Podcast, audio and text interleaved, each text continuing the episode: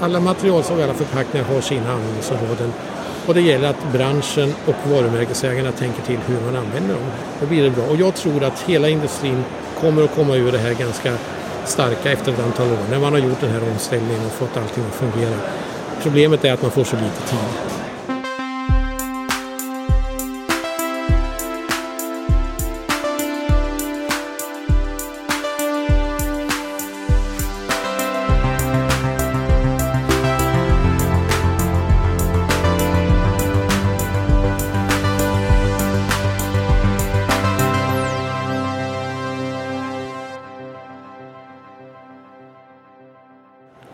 Vi provar att rulla igång. Eh, det här är Heja Framtiden. Jag heter Christian von Essen. Vi sänder från Empac-mässan i Kista. Och jag sitter här med eh, Bo Walteg, chefredaktör för tidningen Nordemballage. Välkommen till Heja Framtiden. Tack så du ha. Det här måste ju vara din, din dröm. Du känner alla här, eller hur? Ja, alla vill ta i men det är, det är rätt svårt att gå igångarna utan att man blir stoppad hela tiden. Jag har ju hållit på att skriva om förpackningar sedan 1991 så att det är ju rätt många år nu och då bygger man ju upp ett nätverk självfallet. Varför älskar du förpackningar? Det, det är en svår alltså, Varför älskar man sin yrkesroll? Som så mycket annat så blir det väl en slump när man börjar med det här. Jag, jag tillbringade tidigare 16 år med att skriva om plastmaterial. Okay. Jag har hållit på som journalist sedan 1975 då. Av, av, olika skäl så kom vi in på förpackningar 91 och sen har man hållit fast vid det och då har jag insett att förpackningar är ett stimulerande och kul område för det spänner över så mycket. Förpackningens värdekedja är väldigt spännande. Det är allt ifrån material, eh, design, produktion, eh, konsument inte minst. Det är en konsumentnära sak och eh, sen eh, återvinning och miljö. Och dessutom är det så att alla man pratar med har en synpunkt på förpackningar. Det är ett bra ämne på en, en, en, en kvällsmiddag ihop med folk. Man säger man jobbar med förpackningar för det är alltid någon som säger att eh, att ja, men varför är det så svårt att komma in i förpackningar och det ena med det tredje så är diskussionen igång. Ja, just det. Jag tänkte, jag vill träffa dig för att det är kul att höra, när man är chefredaktör så har man ju så otroligt, en bred bild liksom av, av branschen. Vad tycker du är liksom, tydliga trender som du ser på mässan och i, i tidningen? Eh, så, så du är på sedan början av 2000-talet med det här? Ja, alltså det, tydliga trender är det som är tydligt trend idag är ju, så kanske i alla industrier egentligen, det är hållbarhetsdiskussionen, sustainability. Och det vet vi ju alla den diskussion som förpackningsindustrin eh, är utsatt för nu och inte minst då plastindustrin när det gäller att eh, det ska vara någonting som förstör miljön fast i själva verket är tvärtom. Och, och, eh, så det är ju en tydlig trend. Sen har vi ju trender med nya material, det finns det som kallas för bioplaster vi har mycket trender på maskinsidan. Vi har, vi har mycket nya lösningar som kommer upp med aktiva och intelligenta förpackningar som kan göra mer än bara förpacka. De kan alltså kommunicera med oss eller ge oss intressanta budskap. Så det är mycket som händer och att peka på en speciell trend är väl svårt. Ja, som känslan är här också att, eh, att alla brottas med hållbarhetsfrågan på olika sätt. Men jag, läste, jag läste ledaren här i senaste mm. rummet så pratar de om eh, den här nya skatten på eh, plastpåsar ja, i livsmedelsbutikerna. Eh, som du tycker är lite förhastad. Eh, vad, vad, är slutsatsen där? Ja, men alltså det är klart att jag tycker att skatten är helt fel och den är alldeles för snabbt framtagen och den är framtagen utan en, en riktig konsekvensanalys. Då. Plastpåsen i vårt samhälle här är inget stort problem ur miljösynpunkt. Eh, de miljöproblem som dyker upp de kommer ofta från eh, Asien och Afrika när vi ser plast i haven och så vidare. Det som vi skräpar ner i haven är minimalt när det gäller plastpåsen. Men ändå ska Sverige som vanligt föregå och vara liksom världssamvetet och, och minska eh, på förbrukningen mycket snabbare nästan än vad som krävs. Det har skett en minskning de senaste åren av, av användningen av plastkassar. Men regeringen är då inte nöjd och de vill alltså få ner det mycket, mycket snabbare istället för att låta den här trenden fortsätta och se vad det tar vägen. Vi har ändå på oss fram till 2025 innan man ska nå EUs mål som då är 40 kassar om året per person. Varför inte låta det få gå lite tid men nu är det så himla bråttom, det ska köras direkt. Och den här skatten är ju direkt meningslös och den går ju inte ens till, de pengar som kommer in går ju in i statens stora svarta hål så att säga. Det går ju inte ens till miljöbefrämjande åtgärder. Så jag tycker definitivt det är fel och jag känner att den är tagen kanske på felaktiga beslut. Och du menar att den, den slår också mot bioplastpåsar? Lika? Det gör den ju, alltså för att bioplaster är, är plaster som är tillverkade av, av förnyelsebar råvara som inte är, om plast generellt sett är tillverkad av fossil råvara, typ olja, så är bioplast tillverkad av växter och växtmaterial utifrån det och det har ju industrin och handeln varit väldigt bra på de senaste åren att ta fram kassar av de materialen och, och verkligen lyckats att få fram alternativa som inte är fossilbaserade. Men regeringen låter då alltså inte detta få fortsätta den här utvecklingen. Man kunde ju åtminstone då ha differentierat den här skatten så att de biomaterialbaserade fick en betydligt lägre avgift för att främja att vi använder mer biobaserat. Men så har man uppenbarligen inte tänkt och, och jag tror inte man tänker särskilt mycket om jag ska vara riktigt ärlig. För, för, jag menar, för min del, är jag, jag väljer plastpåsar bara för att jag har som soppåsar. Ja, precis. Och det gör vi nästan alla i Sverige. Ja. Vi använder det för att slänga våra sopor i. Och ska vi då inte ha dem där, då får vi köpa separata soppåsar på rulle som det finns i handeln. Och visst, de kanske kräver lite mindre energi när de tillverkas, de är lite tunnare och allt möjligt sånt här. Men det är ju liksom, effekten på miljön är ju väldigt liten. Eh, vi måste ju ändå slänga våra sopor i någonting, självfallet. Mm. Var skulle du säga att de största liksom, eh, omställningarna sker idag? Eh, hur menar du då? Alltså, alltså om man tänker omställningar till um, hållbara affärsmodeller. Jag tycker hela industrin egentligen idag jobbar ju med det begreppet hållbarhet. Hela, all industri.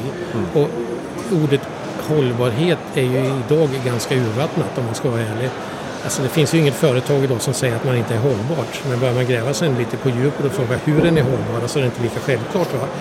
Så är man inte hållbar så har man inget på marknaden att göra. Vi kanske behöver ett nytt ord. Eh, kanske cirkularitet eller någonting som fräschar upp hela den här debatten. För nu har det blivit slentrian med hållbarhet. Man tar för givet att det, det ska vara hållbart.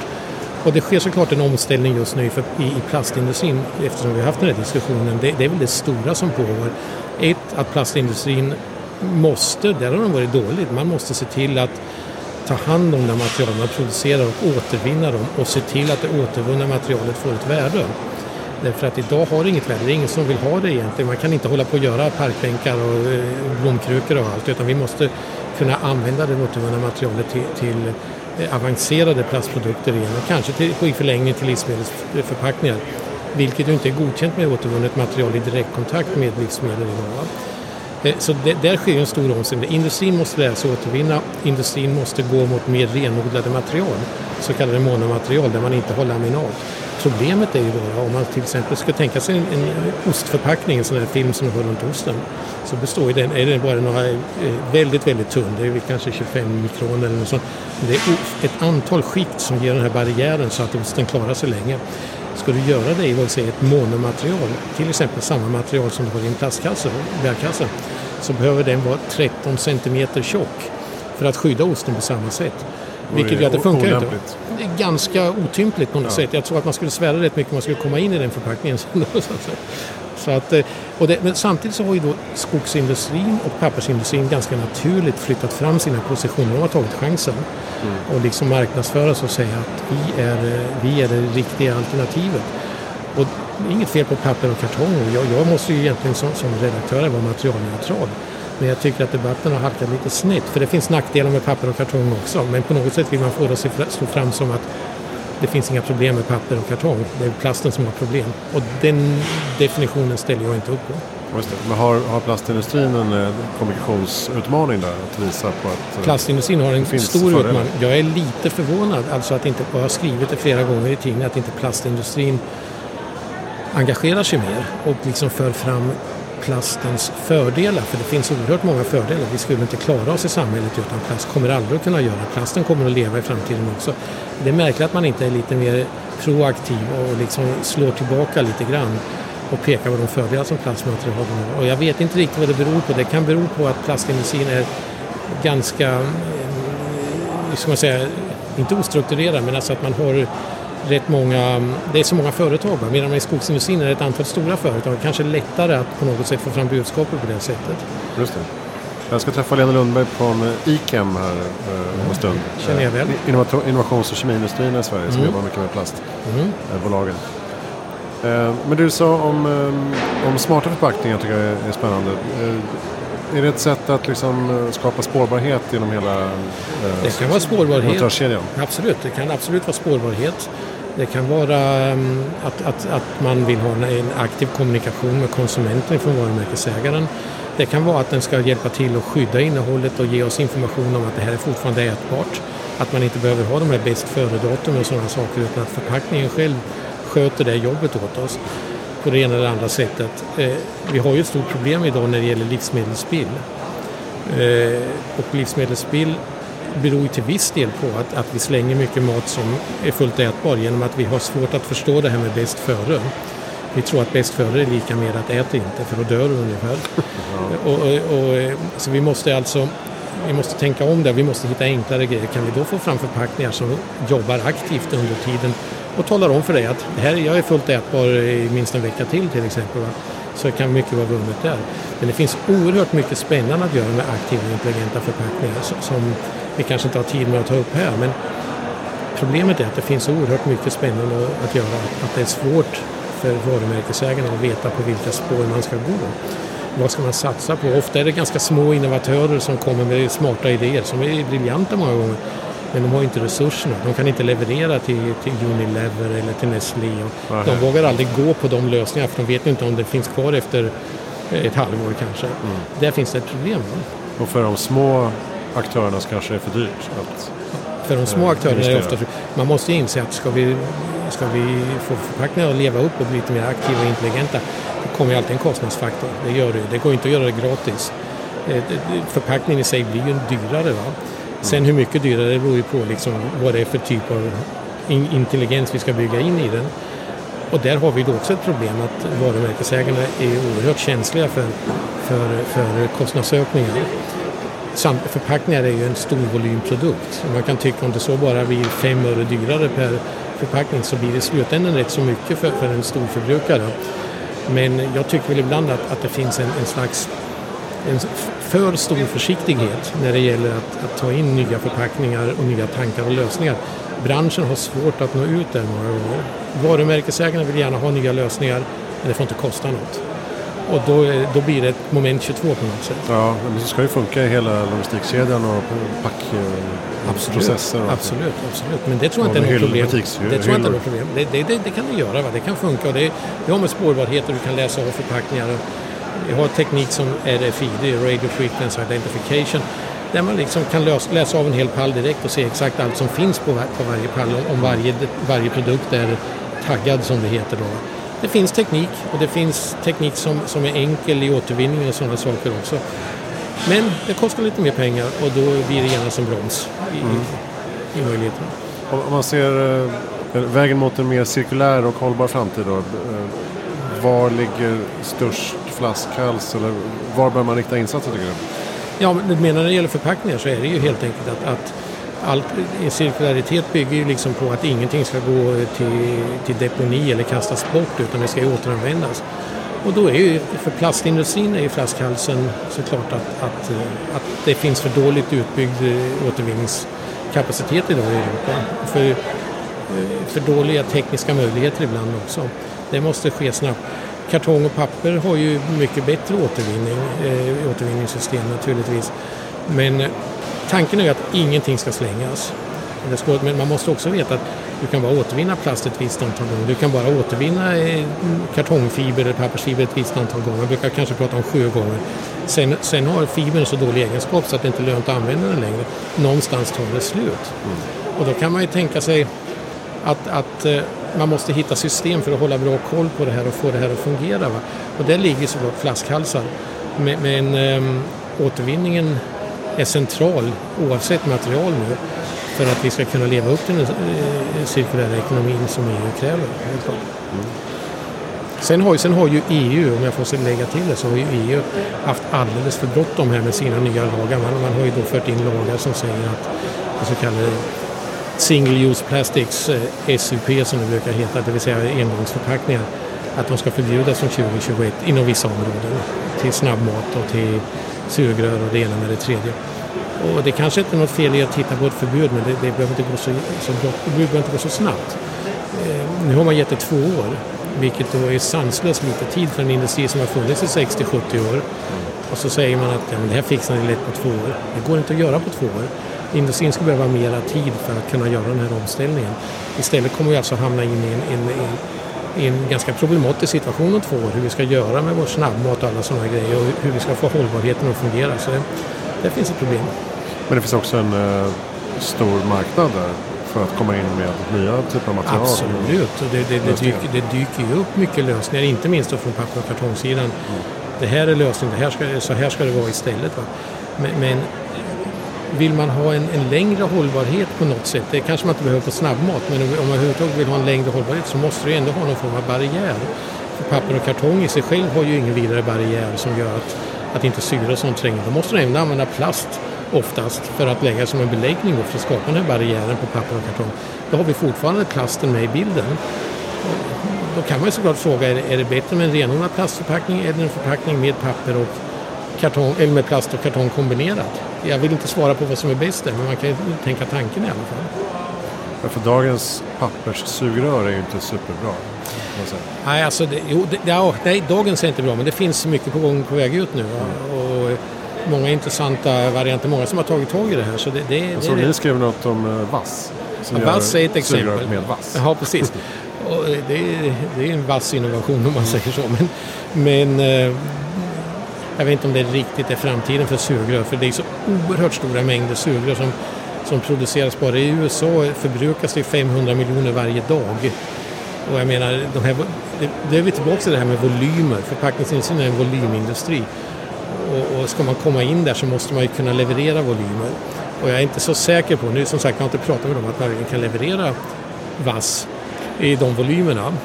Men det kommer mycket annat. Det kommer fiberbaserade, pappersbaserade, ny teknik. Bland annat i Finland finns det flera företag som har tagit fram ny teknik som gör att man kan få effektiva och bra sugrör av, av papper, eller av fiberbaserat i alla fall.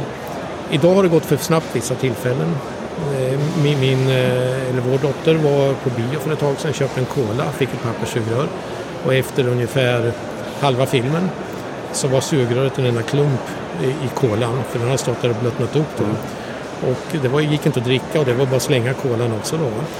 Och eh, då har man ju inte gjort något för miljön för det första och man måste slänga bort kolan. Och för det andra har man ju skapat en irritation hos kunden.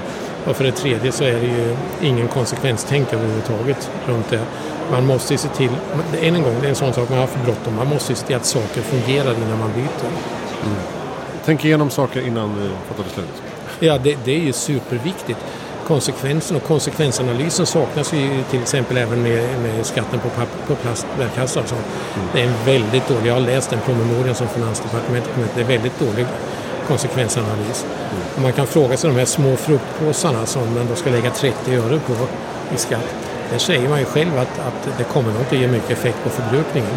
Då kan man fråga sig varför ska man ha den skatten? Varför ska, varför ska man hålla på med den om det inte ger någon effekt på förbrukningen överhuvudtaget kanske? Det är signal Ja, eh, men alltså som kund. Jag tycker det, jag tycker det är fint tänk. Alltså det, vi måste ändå få hem och frukt på något sätt. Och, och, ja, jag, jag tycker det är fint.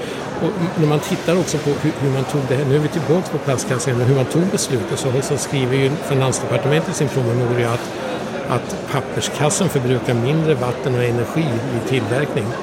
Men Naturvårdsverket säger precis tvärtom. Aha. Och det nat Naturvårdsverket säger att papperskassan förbrukar mer vatten och energi, vilket den gör. Finansdepartementet har antingen läst på dåligt, medvetet misstolkat eller någonting, men ändå skickat det här, den eh, underlaget, som ett underlag till politikerna att fatta beslut på. Det är alltså på ett felaktigt underlag som politikerna här fattar ett beslut. Vilket då gör att man kanske oroar sig också inför framtiden. Är det så här våra politiker fattar beslut på så taskiga underlag? Inte bara när det gäller förpackningar utan andra grejer också. Jag tycker det, det är lite, lite upprörande faktiskt. Det är ju så att ska du köra ut en papperskasse till butiken, till, ja dels så förbrukar den mer vatten Ska du skjutsa ut den till butiken så brukar man prata om faktor 4. Har du en lastbil med plastkassar måste du ha fyra lastbilar med papperskassar för att få ut samma volym. Och då kan vi liksom, då kan vi liksom fråga oss hur, mycket, hur mycket miljö har vi sparat där då? När vi måste ha fyra lastbilar som ligger på vägarna istället för en till exempel. Det är, det är så stor skillnad i det är för, de, ja, för att det bygger så mycket. Alltså, plastkassen kommer ju på rulle, papperskassen ligger ju i, och hög om man säger så, och har mycket större volym, va? mycket mer bulk. Så det gör ju att det blir, det går åt mycket mer. Och då har vi inte, vet jag inte, man kanske fortfarande har vunnit någon energi men det, jag tycker inte det är lika självklart. Eller någon miljö, förlåt. Jag tycker inte det är lika självklart alltså. Nej, och så börjar folk ifrågasätta tygkassar också, hur, hur Tygka- smart det är. Ja, tygkassar är inte smart alls, ja, säger de. Va? Eh, Alla säger att man ska använda sin tygkassa och sånt. Ja, visst. Men Du får helt enkelt bära, bära allting i händerna. Ja, alltså tänk dig, ja, tänk dig en tygkasse om du använder den när du går och handlar. Någon gång borde du tvätta den då om du har någon form av hygienkänsla. Och när du då tvättar den och använder varmvatten och tvättmedel och grejer då har du redan liksom förstört den eventuella effekten som finns genom att den energin och den nedskräpning som det innebär är ju borta. Men sen har det ju gjorts flera undersökningar. I Danmark gjorde man en undersökning som visar att om du har en vanlig bomullskasse, en vanlig med traditionell bomull, så måste du använda den 7000 gånger innan den är bättre än en, en plastkasse för miljöhänsyn. Har du en ekologisk bomullskasse måste du använda den 20 000 gånger innan den är bättre för miljön än en plastkasse. Och jag vill se Varför- det. varför Jo, därför att, jo, för ekologiskt det kräver ju mycket mer, det, bomull för det första kräver mycket bevattning. Och du har ju kraven då, det är mycket svårare att odla ekologiskt. Så det, går åt mer, det påverkar miljön på ett högre sätt, på ett större sätt än den ekologiska odlingen. Så ekologiskt är, är säkert bra på sitt sätt. Men vi vet ju när man odlar ekologiskt också så går det ju åt mera mark. För du får inte ut samma produktivitet av den ekologiskt odlade som, som är traditionellt odlade. Så att, alltså, och ja, vi kan ju inte i industrin begära att, att, att eh, den breda allmänheten ska känna till det här. Utan det blir ju mycket från allmänheten att gå på känslor och troende och tyckande. Det är ju fullt förståeligt. Vi har ju själva svårt att hänga med ibland i branschen. va. Så det, det, det finns ett problem där, det är helt klart så. Man, får, man kan väl konstatera att eh, saker och ting är inte så svartvita som man gärna vill få dem till. Absolut inte. Det, det, finns, det finns plus och minus för allting. Va? Och ingenting, jag vill säga att ingenting är egentligen bättre än något annat. Rätt material på rätt plats kan man prata om. Där, har, där finns det en uppgift. Plasten ska användas där den är bra, papper, kartong används där den är bra. Och sen har vi ju så, vi ska inte glömma andra material som, som metall och glas och sådana saker. Det, vi har ju fler förpackningsmaterial. Det är ju lätt att fokusera på papper och plast för det är uppe till diskussion. Så mycket. Metall är ju ett utmärkt förpackningsmaterial och det kan, aluminiumburken vet vi, den tar vi gärna en öl ur och så vidare. Kan ju återvinnas eh, hur många gånger som helst och, och med till väldigt liten energiförbrukning. Det är ett bra material. Glas är också bra men glas är ganska energikrävande när du ska tillverka det. Det går mycket, mycket värme och sånt för att smälta sanden och göra glas. Och sen har ju glaset en nackdel i att den är rätt tung att transportera jämfört med plast och metall till exempel. Men alla, alla, alla material och alla förpackningar har sina användningsområden. Och det gäller att branschen och varumärkesägarna tänker till hur man använder dem. Då, då blir det bra. Och jag tror att hela industrin, inte minst plastindustrin, kommer att komma ur det här ganska starka efter ett antal år. När man har gjort den här omställningen och fått allting att fungera. Problemet är att man får så lite tid. Bra, vi tar det med oss. Tack snälla Bo Walteg från eh, Nordemballage. Kolla in nordemballage.se, eller hur? Kan man läsa Det kan man läsa. Kan man läsa. Kolla även in hejaframtiden.se, där finns allt du behöver veta och eh, alla intervjupersoner hittills. Jag heter Christian von Essen och eh, du ska ha tack för att du lyssnar. Hej!